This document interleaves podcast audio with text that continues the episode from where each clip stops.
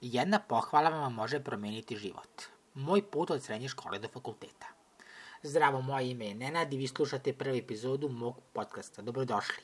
Danas govorimo o mom putu od srednje škole do fakulteta. A u srednjoj školi, kao i svaki srednjoškolac, nisam bio puno zainteresovan za učenje.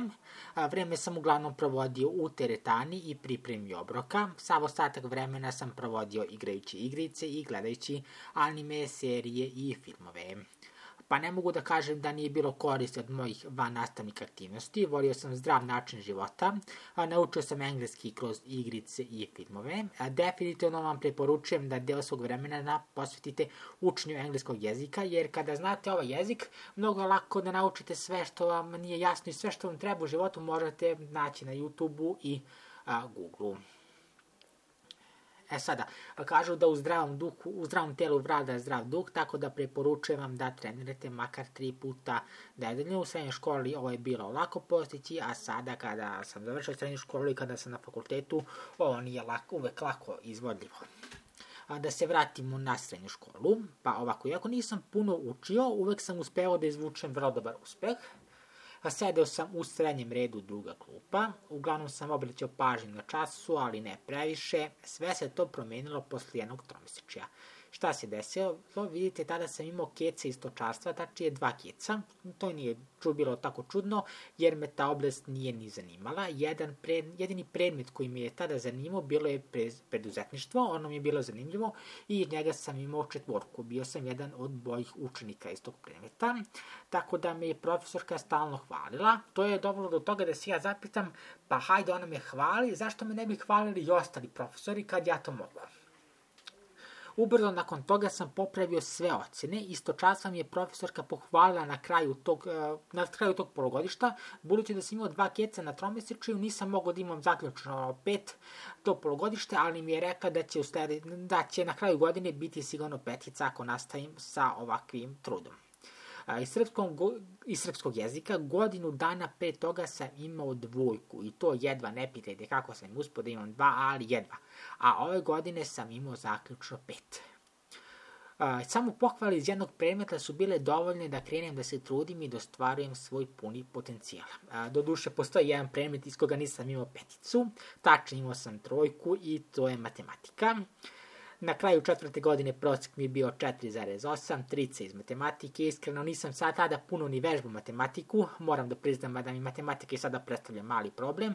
Pri kraju sam studija, imam četiri ispite do kraja, od kojih su dve matematike, matematika o ekonomiji iz prve godine i finansijska i aktorska matematika iz druge godine, ali dobro kod finansijske i aktorske dao sam oba kolokvima, sad treba samo da položim treći deo ispita, vidjet ćemo kako, kako će to da ide do četvrte godine srednje škole nisam imao u planu da upisujem fakultet, ali sve se to promenilo kada sam počeo da učim. Imao sam par želja, tada kao i sada voleo sam da jednog dana nosim odela, da sedim u fotelji, da donosim bitne odluke, to jest da budem direktor – A, tada sam smatrao da ne postoji dobar državni fakultet za ekonomiju, a privatni su mi bili preskupi. Tada sam u stvari ovo zanimanje, znao sam za ovo zanimanje kao biznis i kada sam tražio fakultete, ja sam stavljao biznis i onda su mi samo izlazili engleski fakulteti, a sada znam da se ovo zanimanje koje me tada interesovalo zove ekonomija. Tako da sam, budući da sam se tada odlučio šta ću da pišem, moj izbor je bio psihologija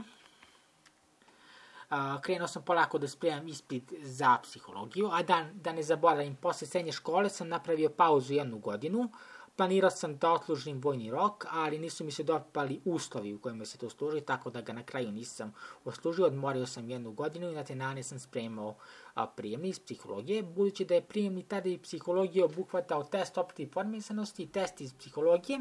Krenuo sam da čitam nedavno novine, da pratim dnevnik, sva sportska dešavanja, tada sam znao ko je svaki ministar u vladi. Iskreno ne znam ni koliko može da se uči za ovaj test, to, to mi više koliko obraćate pažnju na svet oko vas.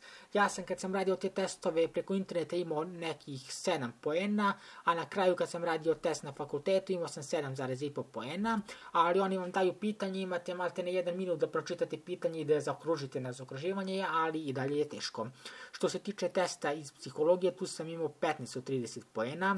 Ovo je veoma loše s obzirom da sam ovo spremao godinu dana, ali postojalo je dosta pitanja koji nisu bili u knjizi, već je bila neka dodatna literatura što ja nisam znao da treba da se pročitam.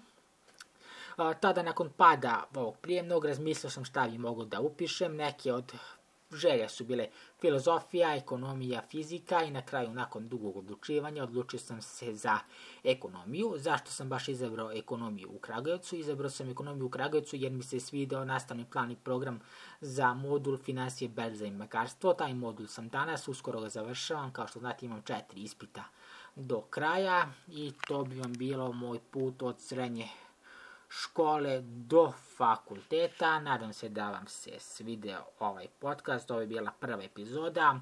Ovo je više da upoznate mene. Ako nešto možete da izvučete iz ovoga jeste to da je dovoljna samo jedna pohvala da krenete da se trudite i da krenete da ostvarujete svoj pun potencijal. Hvala na pažnji.